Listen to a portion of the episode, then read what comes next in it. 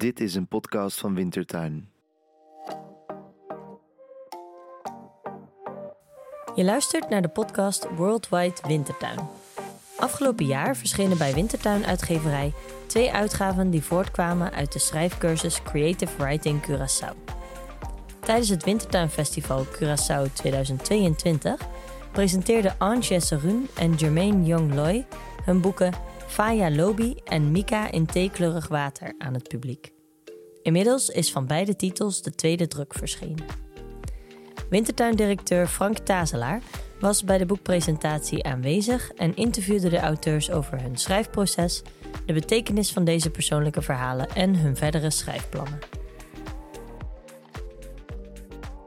Dames en heren, welkom. We zijn hier op Curaçao, op het warme eiland, dichtbij Bokasami. En ik zit hier met twee schrijvers, uitgegeven door Wintertuin Uitgeverij. Anje Seroen en Jermaine Jongloy. En we gaan spreken over twee boeken. En ik begin met jou, Ange. Welkom, Ange. Dankjewel. Um, je hebt een boek geschreven dat heet Faya Lobby. is uitgekomen bij Wintertuin. Vorige week prachtig gepresenteerd op het Wintertuin Festival Curaçao. Um, hoe is het om je eigen boek in handen te hebben? Voor het eerst. Ja, dat, dat is een onbeschrijfelijk gevoel. Vooral als je, zoals in mijn geval, uh, jaren hebt gelopen met het idee om een bepaalde eh, verhalen vast te leggen. En uh, niet hebt durven dromen dat het ooit een boek zou worden. Mm -hmm. Dat is gewoon heel bijzonder. Ja, inderdaad. Onwerkelijk. Onwerkelijk. En hoe was het voor jou, Jermaine? Uh, ja, uh, prachtig, mooi. Een hele geweldige ervaring. Uh, ja, ik heb erover nagedacht van wat wil ik. En ik wilde een boek deze keer, omdat ik al die tijd al had geschreven. Korte verhalen had gepubliceerd. En, en nu een keer een boek. Dat, dat, dat, was mijn persoonlijke opdracht. En nu, nu zijn die boeken er. Um, op Curaçao zijn ze gepresenteerd. Deze podcast wordt natuurlijk ook geluisterd in Nederland. Die komt bij Wintertuin, uh, wordt die gepubliceerd op de website. Kunnen, we, kunnen, we kunnen jullie ons kort meenemen in waar de boeken over gaan? Uh, Eins, mag ik met jou beginnen? Faya Lobby, 200 jaar vurige liefde in de diaspora. Ja, het, het boek begint met waar, uh, waardoor ik geïnspireerd werd. Dat, namelijk het verhaal van mijn Chinese overgrootvader die uh, uit Hongkong is vertrokken in 1865 om naar Suriname te gaan. Uh, dat verhaal hoorde ik keer op keer van mijn tante, de, zus van mijn vader. En dan vertelde die dat die opa op de boot uh, te horen kreeg dat zijn naam naar een bepaalde plantage moest. Maar hij hoorde ook dat er op die plantage zwarte mensen waren gespot. En hij, ik denk dat hij geen uh, dat hij geen zwarte mensen kende. En hij heeft zijn naam verwisseld uh, voor, met een andere naam, met een andere meneer. En dat vond ik eerst een heel raar verhaal. En ik ben zelf dus, ik ben zelf zwart. Dus als je dat verhaal hoort, dan voel je je niet prettig. Maar als je dan keer op keer hoort en je, je begrijpt dan dat hij dan niet terug is gegaan naar Hongkong, maar in Suriname is blijven wonen en dat hij daar uh, getrouwd is met een zwarte vrouw, dan zeg je, hey, dat is een bijzonder verhaal. Mm. Dat wil ik vastleggen, want het is wie heeft nou een Chinese overgrootvader die zoiets doet en dat je het weet. Het is dus door zijn dochter uh, verteld aan mijn tante. En uh, die heeft het weer aan ons verteld. Het is echt uit de eerste hand. Dus ik heb mijn tante gevraagd, omdat ik elke keer vergat wat was zijn Chinese naam. En die heeft het dus voor me opgeschreven. Ik denk een keer of tien of elf. En, uh, en dat was de, dat was de dat, laten we zeggen, dat was de, de, de inspiratie om te beginnen te schrijven.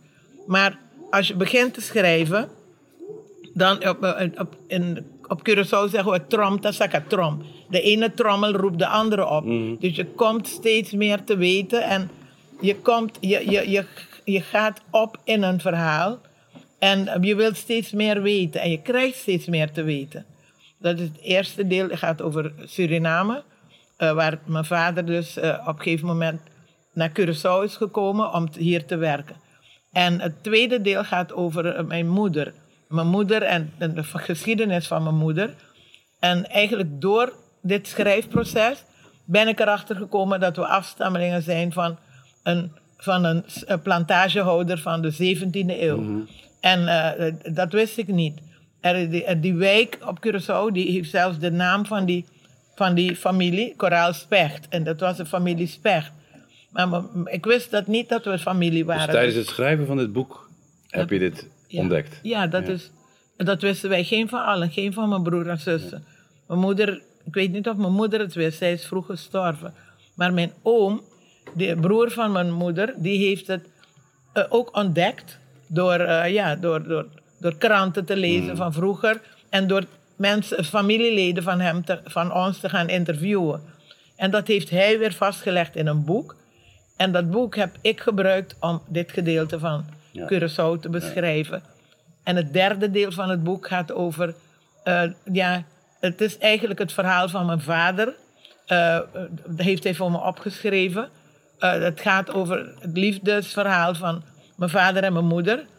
En eh, daarin heeft hij onder andere delen van de liefdesbrieven die ze elkaar hebben geschreven, die wij wel mochten eh, lezen, heeft hij overgeschreven. En die staan in deel 3. Ja.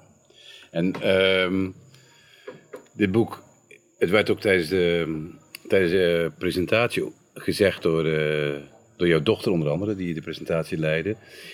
Er zit ook een oproep in om je geschiedenis, en zeker de geschiedenis, ehm dus Caribische geschiedenis, in kaart te brengen. Ja. Zie, je het ook, zie je het ook zo dat het niet alleen, het is natuurlijk gebaseerd op waar gebeurde verhaal, dus het in kaart brengen van een, ehm, een woelige eh, familiegeschiedenis. Zie je het ook als een oproep aan anderen om, om te onderzoeken en dingen te ontdekken over, over de afkomst? Ja, zeer zeker.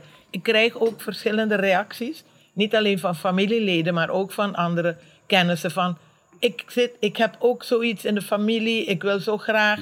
En dan zeg ik, begin. Begin het op te schrijven. Is dat je advies ja, om, om ja. te doen? En Ja. praat met, met de ouderen voordat ze vertrekken. Mhm. En begin bescheiden. Gewoon, het hoeft niet meteen een heel geweldig eh, boek te zijn, maar eh, leg het vast. Want je, je, de nakomelingen die hebben er, plus, die hebben er, die vinden het fijn om te weten van wie, wie, waar komen ze vandaan. Mhm. Ja, want jij begon met een foto en dat, dat, die anekdote over de Chinese overgrootvader. Ja, En daar is nu een hele, ja, ja, een, een, een, Ja. een prachtig boek uit ontstaan. ja.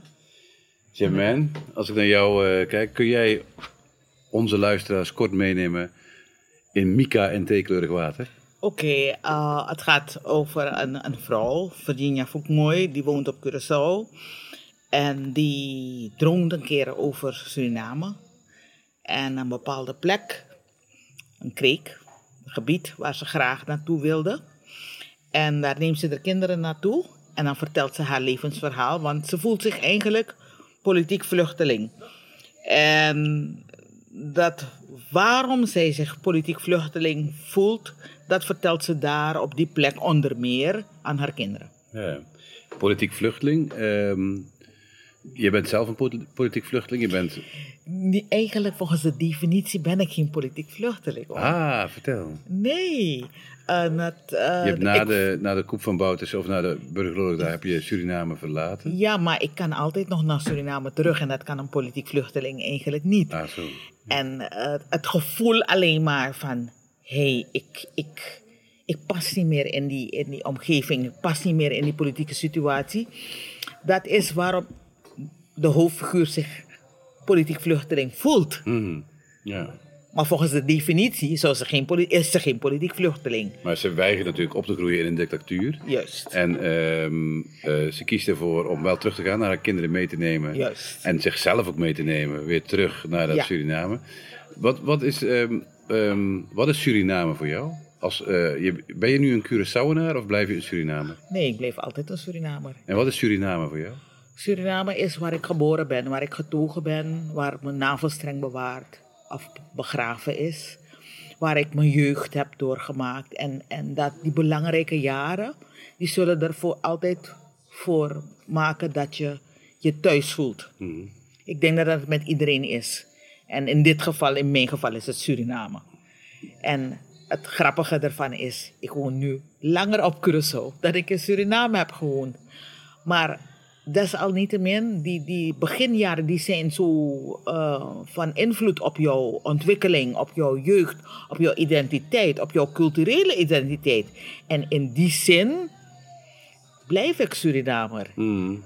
Ik voel natuurlijk heel veel voor Curaçao. Ik voel en werk al lang, en 35 jaar hier zo. En ik voel me ook verbonden. Maar ik heb een andere band met, met Suriname. Ja. En ehm, in Ange's boek zit een oproep om ehm, familiegeschiedenis te onderzoeken en, ehm, en op schrift te stellen, met mensen te spreken.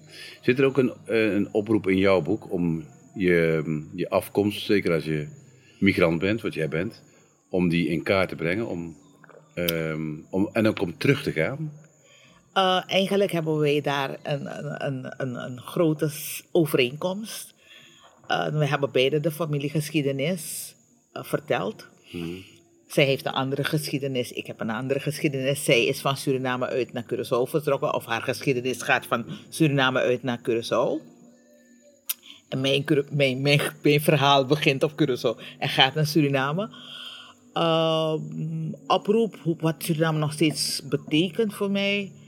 Ja, weet je, ik, in het begin was ik gewoon ziek. Als ik naar vakantie was geweest en ik kwam terug, ah, ik moest weer in het gareel lopen. Het duurde zeker een paar maanden voordat ik weer, weet je, dat ik mijn geest had meegenomen van Suriname naar hier. En ik kon ook in een wimp een, een ticket boeken om naar Suriname te gaan. Het heeft zijn plek gevonden. Ik weet dat ik hier moet blijven voorlopig. En dat mijn plek niet daar is, maar hier. En in die, in, die, in die situatie ben ik heel blij dat ik Curaçao heb.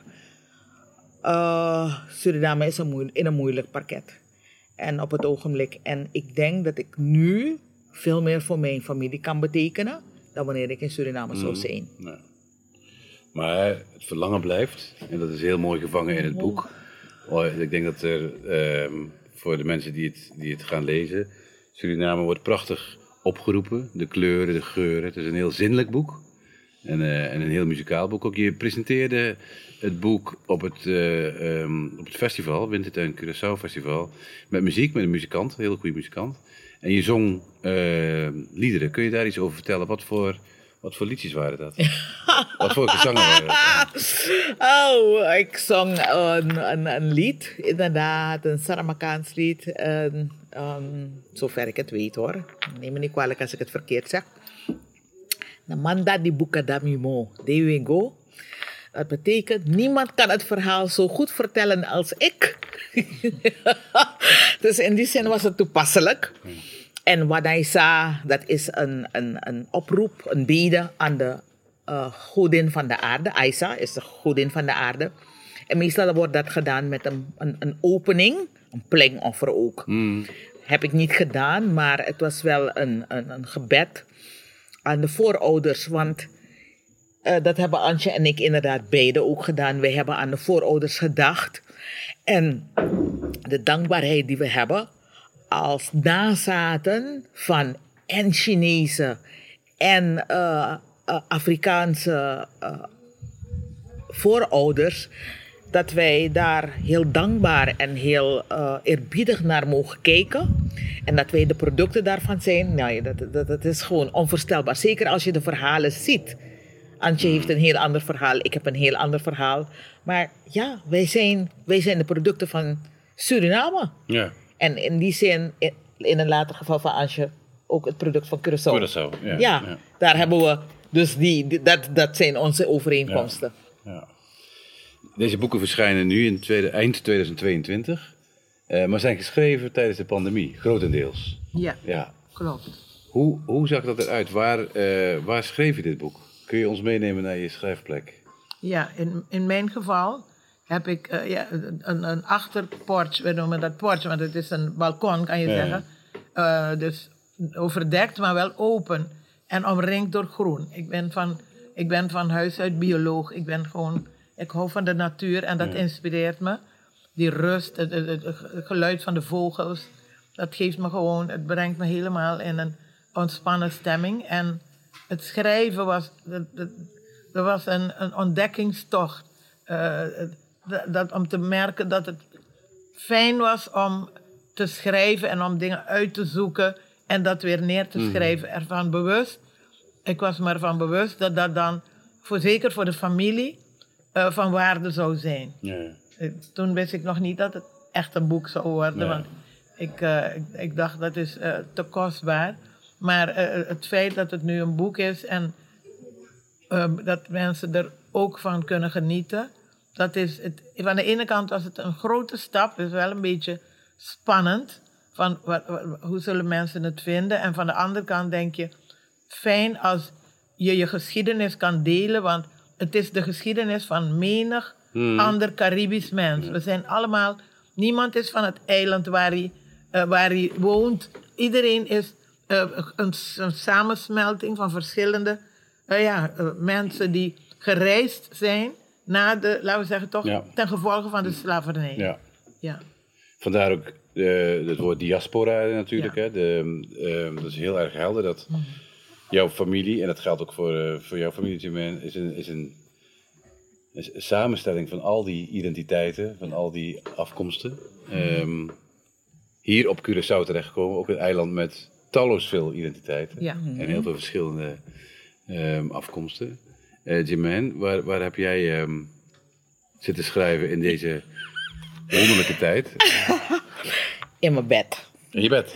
In mijn bed. Niet op het tapijt. Nee. Niet op het tapijt. Gewoon drie kussens in mijn rug. Ja. En dan, eh, ja, elke ochtend opstaan. Liefst ook nog in de COVID-periode. Dus ik had drie maanden COVID en niemand zo blij als ik. Ja. Veel mensen vonden het een, een, een, een, een, een tedious period. En ik heb dat niet ervaren, want ik had een missie. En het was ook een angstige missie, want eh, ik wist niet... Ik zag mensen rondom me heen doodgaan en ik hoorde de berichten. En ik wist niet of ik een van de mensen was. En ik was inderdaad doodsbang dat ik met het verhaal in mijn keel zou blijven steken. Dus ik schreef letterlijk en figuurlijk alsof mijn leven ervan afhing. En eh, wat dat betreft is het een, een, een fijne plek. Ik hou van mijn bed. Het is 2 bij 2. En eh, groot. Meestal ligt er een computer vlak naast me. En eh, er is een raam achteraan en er is een muurtje. En dan die kussens erin. En dan schrijven. En dan als het eventjes niet meer kan, van ik heb geen idee, geen inspiratie, dan gaat de computer dicht en dan doe ik even mijn ogen dicht. Maar het is de plek van inspiratie, van, van maken, creëren, bedenken, eh, eh, ja, ideeën. Dat, dat is mijn bed. En dan, dan heb je, ehm, nou ja, denk ik toch wel twee jaar geschreven, Ja, ongeveer. Ja. klopt. Ehm, en dan, dan heb je een, ehm, ik zie het voor me, een, een stapel papieren, hè, een print. En die laat je dan lezen aan iemand. In, in wie, wiens geval, aan wie liet jullie eh, voor de eerste versies lezen? Nou, in mijn geval, eh, het Fire Lobby, we zitten in een schrijfgroep die we hebben, eh, ehm, die we hebben opgericht nadat we cursussen hebben gevolgd van Wintertuin op Curaçao. En dat was zo inspirerend. Eigenlijk heeft dat me de duw in de rug gegeven om te beginnen. Want na de eerste cursus, eh, in januari 2019, was gewoon het eerste hoofdstuk van het boek af. En eh, dan, dan, dan denk je, ja, dan kan ik die volgende ook wel schrijven. Maar dat heb je nooit eerder gedaan. Terwijl alles was er. Je had echt een, iemand nodig die je eh, ja, steun geeft en, zegt, en uitlegt van hoe schrijf je een verhaal. Dat was in mijn geval. En eh, dat, dat, dat heeft ertoe geleid dat ik door ben gegaan. Ik, ik had het geluk om in september van 2019 de tweede cursus van Wintertuin te mogen volgen bij Frank Tazelaar. En, ja, die ons interviewt. En het, het is inderdaad, eh, ik, ik zeg het ook aan iedereen die ik tegenkom. Als je kan, eh, maak hier gebruik van. Eh, en, want het is gewoon een, een kans om, om iets te bereiken. Iets wat je wil te bereiken. Want in je eentje lukt het vaak niet. Maar met een klein duwtje ga je rollen. Jullie hadden dus een schrijfgroep geformeerd. Ja. Met, eh, met allemaal mensen die eh, de cursus hadden gevolgd en die Ja. zelf ook schrijven. Ehm, en ehm, dan heb je dus, nou ja, ik stel me voor. Ik weet niet of je, of je een eerste versie of, of tussenversies of eerste hoofdstukken. Maar je, je- het, het gaat naar buiten. Je, je schrijft en eh, je, de- je gaat delen. Eh, hoe was dat voor jou, Jim? Wat, wat, wat, wat, hoe was het gevoel om het verhaal te delen? Ehm, het begon met een collega van me, een ex-collega die in Nederland woonde, die heeft het nagekeken. Want ik was eigenlijk met de hele opzet van het verhaal na, ik denk, augustus, september, was ik eigenlijk al klaar. Mhm. Met de opzet. Het fijne werk, het, het, het, het, het, de details aanbrengen, het verdiepen, het, het bedenken van creatieve oplossingen, et cetera, et cetera, et cetera. Dat kwam later. Maar het geraamte stond er binnen een half jaar. En toen heeft collega het gelezen en daar heeft hij, want ja, ik merk het niet, maar ik spreek gewoon en schrijf. Algemeen beschaafd Surinaams Nederlands. dus dat is, eh, ja, dat moest echt wel verbeterd worden. Ja, is dat verbeteren? Want je moet natuurlijk ook dicht bij je eigen stem blijven. Ja, maar sommige dingen waren gewoon niet goed. En sommige dingen konden beter en mooier. En ja, je schrijft ook niet voor alleen Surinamers. Je schrijft voor een, een, een algemeen publiek. Dus je moet rekening houden daarmee. En dat zijn ook dingen die wij geleerd hebben in de cursus. Ehm, dan zijn er verschillende mensen geweest die het hebben gelezen. En die het hebben verbeterd. Maar ook jij bent zelf bezig met... Oké, en nu heb ik het bekeken op dat aspect. Bijvoorbeeld de zinnen. En eh, dan kijk je naar bijvoorbeeld van. Het zijn steeds, steeds verschillende fases. Waarna je verschillende, waar je naar verschillende aspecten kijkt binnen het verhaal. En die ga je steeds, tenminste zo heb ik gewerkt. En die ging ik steeds verbeteren. Dus, eh, eh, eh, oh ja, nee, maar hoe kan ik dit beter zeggen? Hoe kan ik dit En uitdiepen? nam je daarin de kritiek of de feedback van anderen mee? Ja, natuurlijk wel. Want kijk, ik, ik, ik had ehm, een, ja, ik had een bagage. En die bagage was een, een dansbagage. Het was een schilderbagage. En ik heb geleerd in de loop der tijden dat wat je ook gebruikt als medium, eigenlijk de vorm hetzelfde blijft. Je hebt een idee, je hebt een doel, je wil een, je wil een, een, message geven. En eh, alleen het middel verandert. Maar de, de, de structuur, de vorm. eh, Dus voor jou is schilderen en, eh, en dansen en je doet ook heel veel stand-up, hè? Je hebt een one-woman show eh, gedaan. drie. Drie. Drie? Ehm mijn god. Eh, wat een werk. Ja. nee, want dat kwam gewoon omdat ik toen eigenlijk ook al schreef. Ja. Maar ik had niet. Je de- zocht naar een ander middel. Nee, ik had de kracht niet, financiële kracht niet. Want ik zei altijd van, ik ga niet op een 10.000 boeken slapen. En ik ga geen hypotheek nemen. Maar ik wilde mensen wel laten zien wat ik deed. Ja. En dat bracht me naar het toneel als one woman. Ja. Maar ik had gedanst, dus ja, het toneel was niet zo ver van mijn bed. En dat was dus een mogelijkheid om dat te gaan doen. Ja. Hoe, is dat bij jou, Ans? Heb jij, eh, je bent bioloog van oorsprong. Je bent eh papimentista van het eerste uur. Je, hier op het eiland. Je hebt jarenlang les gegeven. Is er een, is er een ehm, zoals bij Etjeman, is, eh, komt deze, heb je deze bron nu pas aangeboord? Deze literair creatieve bron? Of heb je altijd al geschreven of dingen gemaakt? Eh, creatief schrijven niet, maar wel eh, methodes schrijven voor papiament. En daarbij moet je teksten creëren, personages verzinnen, zodat de, de studenten, het, waren papiamentstalige methodes voor het Ja. voortgezet onderwijs en het lager onderwijs. eh, zodat eh, studenten met plezier een les eh, le- leren of lezen, omdat het gaat over personen die ze herkennen. Ja, ja. Dus zo, zo, zo, zodoende wel. Maar zo een, een, een, een boek schrijven of een, een verhaal achter elkaar er één eenheid van te maken, dat is voor echt voor het eerst. En ook voor jou de vraag, je, je, je brengt het naar buiten. Hoe, hoe eh, was die samenwerking met die schrijfgroep van jullie? Want ik kan me voorstellen dat als je zo... Het is een heel solitair, eenzaam beroep natuurlijk, hè, dat schrijven. Je zit daar, ja, jij in jouw geval in je bed. eh, en jij op je porch. Ja. Ehm, was had, je, had, je, had je noodzaak aan, aan dat gesprek met anderen? En bracht het jou iets? Ehm, ik moet heel eerlijk zeggen dat ik...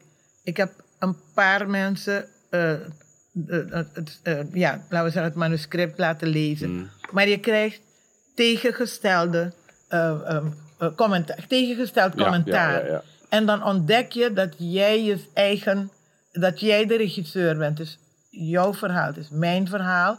Ik wil dit zeggen. Dus ik, ik heb veel overgenomen van wat mensen zeiden, maar ik had me ook voorgenomen niet te veel verschillende mensen meer te vragen. Want het, het maakt je, ja, je wordt een beetje kriegelig en denkt van, nou ja. En eh, dus ik heb, op, ik heb wel heel veel gehad aan, eh, aan op het eind aan één iemand nog die het helemaal door heeft gespit. En die me een jaar extra heeft gekost. Omdat ik het verhaal wat mijn vader zelf had geschreven, deel 3, Ja. had ik zo in het boek geplakt. Ik dacht, mooi, dat zijn zijn woorden, kom er niet aan. Maar die, eh, die collega van onze schrijfgroep is zelf ook schrijfster. Ze heeft eh één boek uitgegeven. En zij zei, nee, je moet er hoofdstukken van maken. En dat was heel moeilijk. Want je wilt, het zijn de, de, woorden van mijn vader. En dat wil ik niet gaan verzinnen. Ik wou zo dicht mogelijk bij de werkelijkheid blijven. En dat betekent met mensen gaan praten, informatie gaan zoeken uit die tijd. Het was niet helemaal eenvoudig. En het kostte me ook een beetje moeite om dat te doen. Een beetje uit, uit, uit respect voor wat mijn vader had geschreven. Maar uiteindelijk is het denk ik toch wel gelukt. Ja, want dat is wat, wat schrijven natuurlijk ook is. Je zet de... Hè, want alles is op de werkelijkheid gebaseerd, maar je- het is wel jouw verhaal. Ja. Je maakt jouw verhaal van. In hoeverre voelde je je vrij in? Want je, je, je, het is natuurlijk een precaire situatie waarin je een familiegeschiedenis, die al heel moeilijk in kaart te brengen is door al die verschillende af, afkomsten in de diaspora. In hoeverre voel je je vrij om daar echt een verhaal van te maken? Heb je wel eens ervan wakker gelegen dat je dacht, mag ik dit wel doen op deze manier? Mag ik wel deze interpretatie geven? Dat is een fijne vraag, want inderdaad, eh, soms dan denk je van, eh, zouden je voorouders het niet erg vinden als je iets schrijft wat niet helemaal waar is? Want je moet, ja, voor het verhaal moet je soms er wat bij verzinnen. Vooral, ja, in mijn geval begint het verhaal van de kant van mijn moeder bijvoorbeeld, begint in de, in de, de, de 18e eeuw, in 17, in de- 1780. En, en dan eh, moet je, wil je toch opschrijven, dat vond ik ook fijn van de cursus die we hebben gevolgd bij Wintertuin. Dat je leert hoe, hoe maak je het ook interessant. Dus niet gewoon beschrijven, maar eh, alles erbij. De geuren, de kleuren, de smaken, eh, eh, de reuk. En, en dat maakt het, dat is een ontdekkingstocht. Want normaliter schrijf je niet zo, maar je dwingt jezelf van wat zag hij, wat voelde hij, wat zou ze gedacht hebben.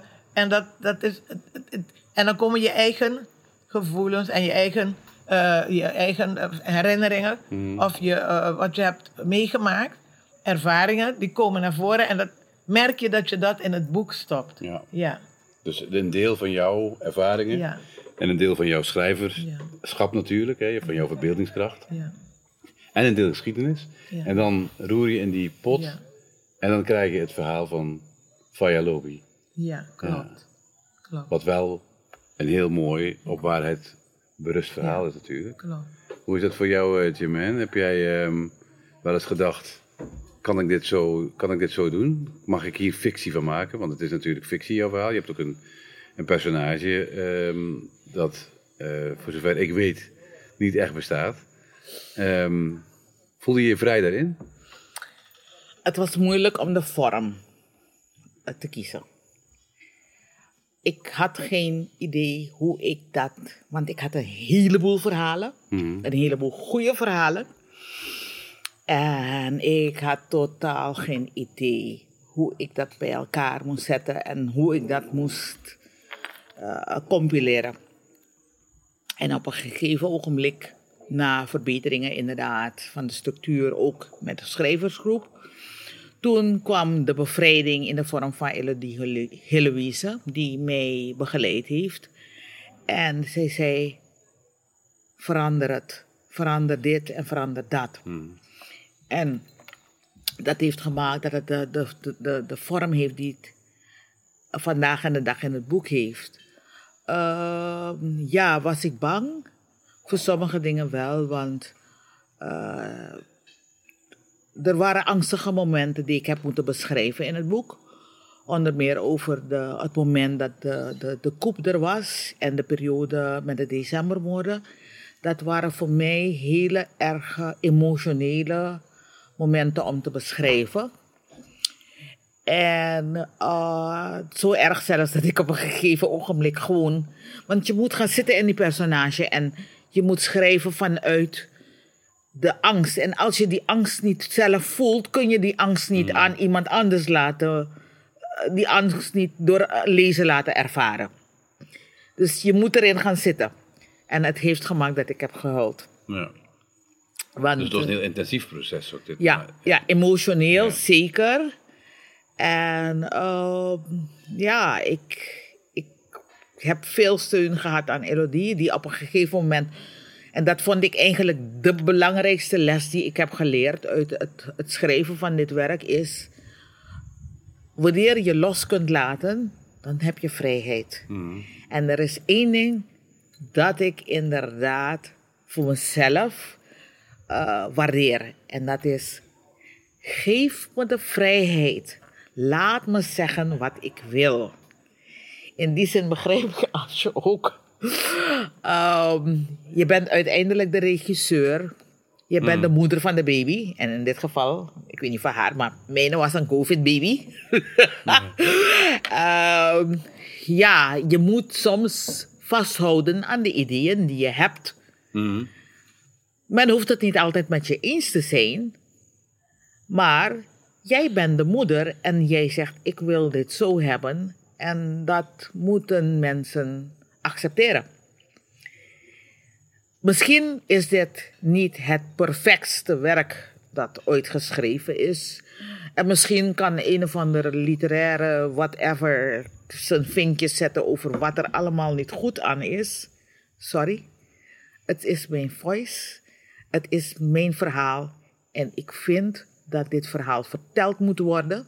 Zeker omdat er in die, die, die, dat stukje historie van, 18, van, van 1962 tot 1980, waarin het verhaal een, een plek heeft.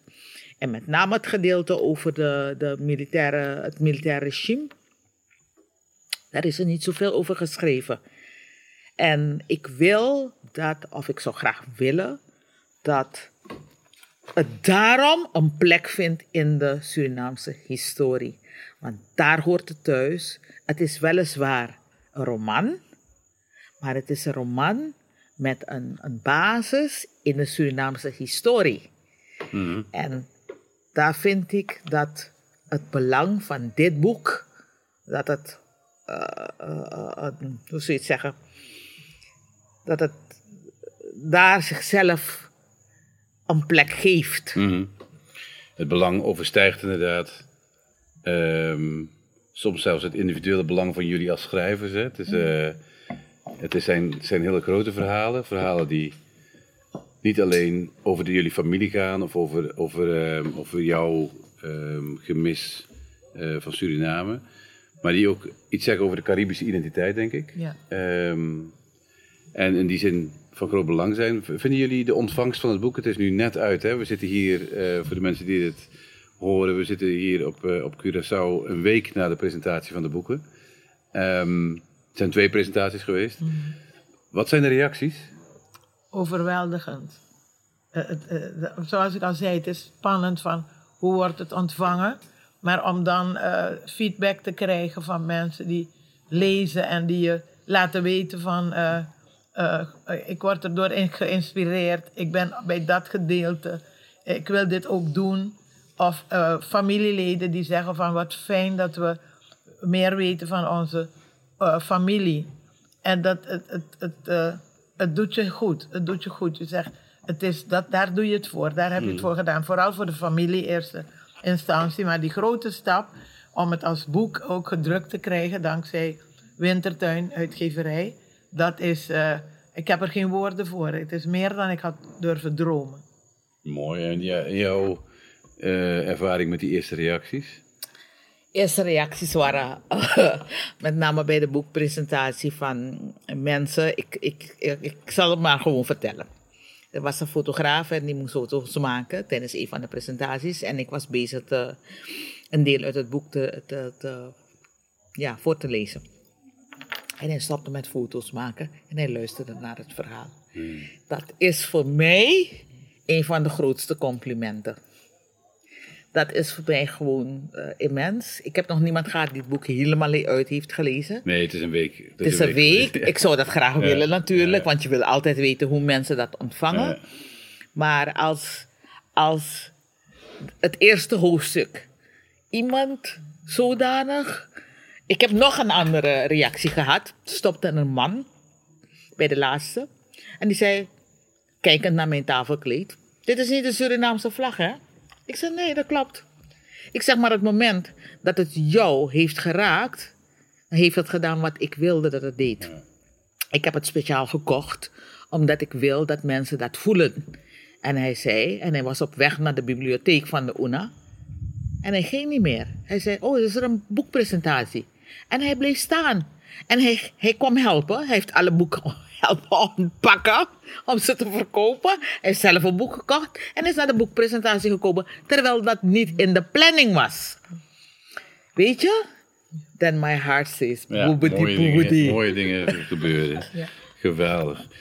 Ehm, nou, Eins en Jermaine, ik, ik denk ehm, dat, dat jullie en ehm, eigenlijk de hele Curaçao-Surinaamse gemeenschap, die trouwens ook helemaal aanwezig was bij de, bij de presentatie, trots kan zijn op, eh, op deze boeken. In Nederland zijn ze ook te verkrijgen via, ehm, via de webshop van Wintertuin en bij de Betere Boekhandel. En ehm, wat, wat zijn de... Tot slot, wat zijn de plannen? Eh, was, het, was, dit, was dit het, dit boek? Dit moest, en daarna ehm, blijf je zitten op de poortjes met een uh, kruiswoordpuzzel, Eins, of, eh, Nou, ik, of blijf je schrijven? Ik, eerlijk gezegd wil ik het niet hard zeggen. Nou, het eerste plan is het boek in papiermens eh, Vertalen. Ja. te vertalen. En omdat het een groot deel van het boek speelt zich af op Curaçao. Ja. En eh, eh, we hebben in de papiamenstalige literatuur missen we veel boeken die in papiament zijn geschreven en die over Curaçao gaan. Eh, je hoort het ook bij de presentatie. De mensen vragen van waarom heb je het niet in papiament gedaan? Eh, dat is logisch, want ik, ik, mijn vader komt uit Suriname. Ik wil dat deel van de familie niet uitsluiten. Iedereen op Curaçao kan ook Nederlands, maar ik heb nu al mensen die zeggen van ik wacht op de papiamentstalige editie.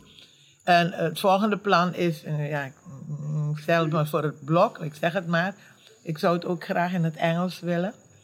En eh, nog een stap verder, ik denk, ik zie voor me dat het ooit verfilmd wordt. Dat is een heel mooi voornemen. Ja. Heb je al contacten? Met, Ja. eh, ja. Ja, Ik dacht al dat je het eruit zegt. nee, toevallig. eh, maar Ik, ik zat ermee, ik dacht, het, het boek is te, te uitgebreid om in één film van anderhalf uur te comprimeren. Dat kan niet. nee. En toen zei een van mijn contacten, die zei van... Nee, maar er komt een Nederlandstalige versie van Netflix. En het is wel goed als, als serie. En ik dacht, oké, daar ga ik... Ik heb het al eh, voor me, ik zie het voor me. En ik heb mijn dochter gezegd, dit boek is ook haar erfenis. Zij moet ermee door. Als het Ja. mij niet lukt, maakt niet uit. Al is het over twintig jaar, zorg, kijk of er een film van kan worden. Want het is het, eh, in, ons, in onze cultuur, in, ons, in onze samenleving, weten niet veel mensen waar ze vandaan komen. Ja. Eh, misschien wel hun ouders en hun opa en oma, maar daarbij houdt het op. En eh, ik heb het geluk om van beide kanten, van mijn vaders kant en mijn moeders kant, om daarvan heel veel eh, informatie te hebben gekregen die, waar andere mensen voor aan gewerkt hebben, ik niet. Maar je hebt die informatie wel bij elkaar moeten bij brengen elkaar, natuurlijk. En je hebt ook veel nieuwe informatie ook natuurlijk boven Ja, ook, ja. Ja, het, is ook, het is ook wel hard werken geweest, Ja. denk ik. Ik zou eerlijk zeggen, toen ik de eerste keer de stamboom zag van de familie op eh Curaçao. Ja. eh, nee, niet de Curaçao, die van Suriname. eh, die, ja, samen met de, met, de, met, met de mensen van Wintertuin. Dan ben je erover aan het praten en zo. En dan krijg je het helemaal mooi opgemaakt. En ik ging gewoon huilen, want het is, er staat nu op papier een heleboel informatie die je daarvoor niet had. En het is echt heel, Het, is iets, eh, het, het brengt veel gevoelens Ja. met zich mee. En ik wil iedereen aanraden, begin gewoon. Begin klein. Begin je ooms, je tantes, je opa, je oma eh, te interviewen. Leg het vast, schrijf het op. En eh, begin klein en je zult zien, je hebt er plezier van en je, de familie ook. En het draagt, echt, het draagt bij aan iets? Is- Draagt het bij aan, aan Ja. de wetenschap waar je vandaan komt? Of, ja. ja, en want- waarom is dat belangrijk? Kun je dat uitleggen? Ja, want eigenlijk, eh, we wonen op Curaçao. Um, um, Germain is op Curaçao komen wonen. Het is een klein eiland. Hebben, ik denk nu 170.000 mensen. Wat, wat, wat doe ik hier? Hoe kom ik hier? En waarom verkies ik om hier te blijven? Want ik had ook in Nederland kunnen blijven. Ik heb daar gestudeerd. Maar wat trekt me aan deze plek? En, en eigenlijk een deel daarvan is het feit dat er zoveel versmelting is, zoveel culturen, dat je ook weet, eh, eh, bijvoorbeeld de problemen tussen zwart en wit, hebben wij hier niet zo sterk. In die zin van iedereen weet dat hij van zwarte en van witte afkomstig is. De meeste van ons zijn. En, en dat maakt het, ik vind het een, een, een verrijking van, eh, van wie je bent als mens en waar gaan we naartoe. Mooi. Mooi. Jermaine, wat zijn jouw toekomstplannen? Als schrijver? Ja, bloed kruipt waar het niet gaan kan. Ik ben normaliter bezig met een heleboel dingen. En eh, inderdaad, schrijven is toch wel, heb ik geleerd van mezelf. Nummer één. Ik ben natuurlijk weer bezig met te schrijven aan een nieuw verhaal, een nieuw project. Ik miste dat, die, die daily grind op mijn bed, miste ik gewoon weg. Weet je? En, en van ha, ondanks alle dagelijkse werk van ik heb even vijf minuten of tien minuten of wat dan ook, of uur of een middag om even te werken aan mijn project.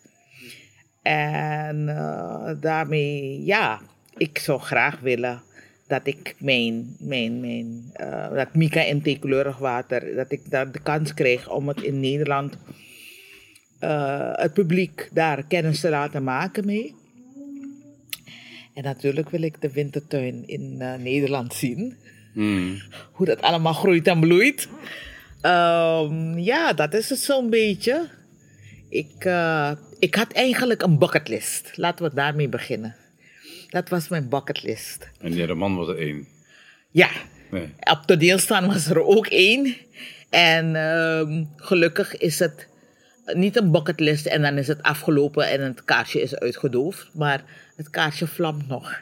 En zolang het, het, het, het, het, licht blijft schijnen en ik het kan, zal ik blijven schrijven en eh, me maatschappelijk betrokken voelen. Want ik heb gemerkt van mezelf dat dat de, de onderwerpen zijn die me het meest eh, dwingen om op pen te grijpen, zijn, zijn, zijn, zijn onderwerpen die te maken hebben met maatschappelijke betrokkenheid.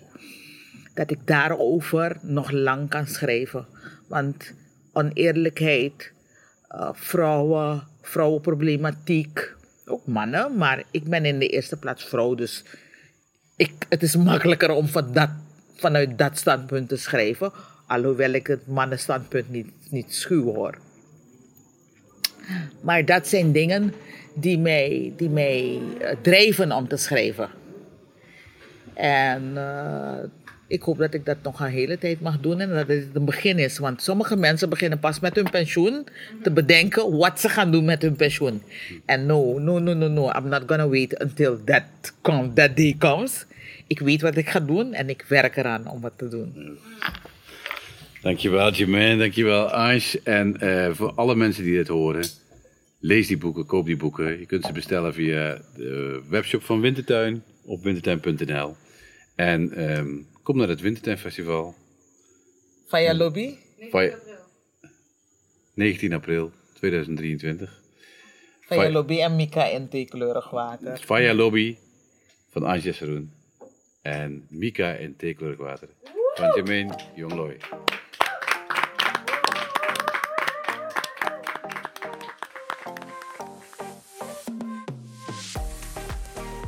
Ben je benieuwd naar Faya Lobby en Mika in theekleurig water?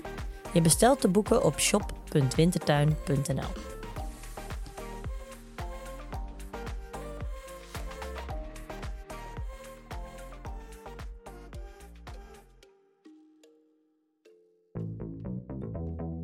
Dit was een podcast van Wintertuin, aangesloten bij de Nieuwe Oost. Volg ons via jouw favoriete podcast-app voor meer podcasts over verhalen, literatuur en schrijven. Tot de volgende keer.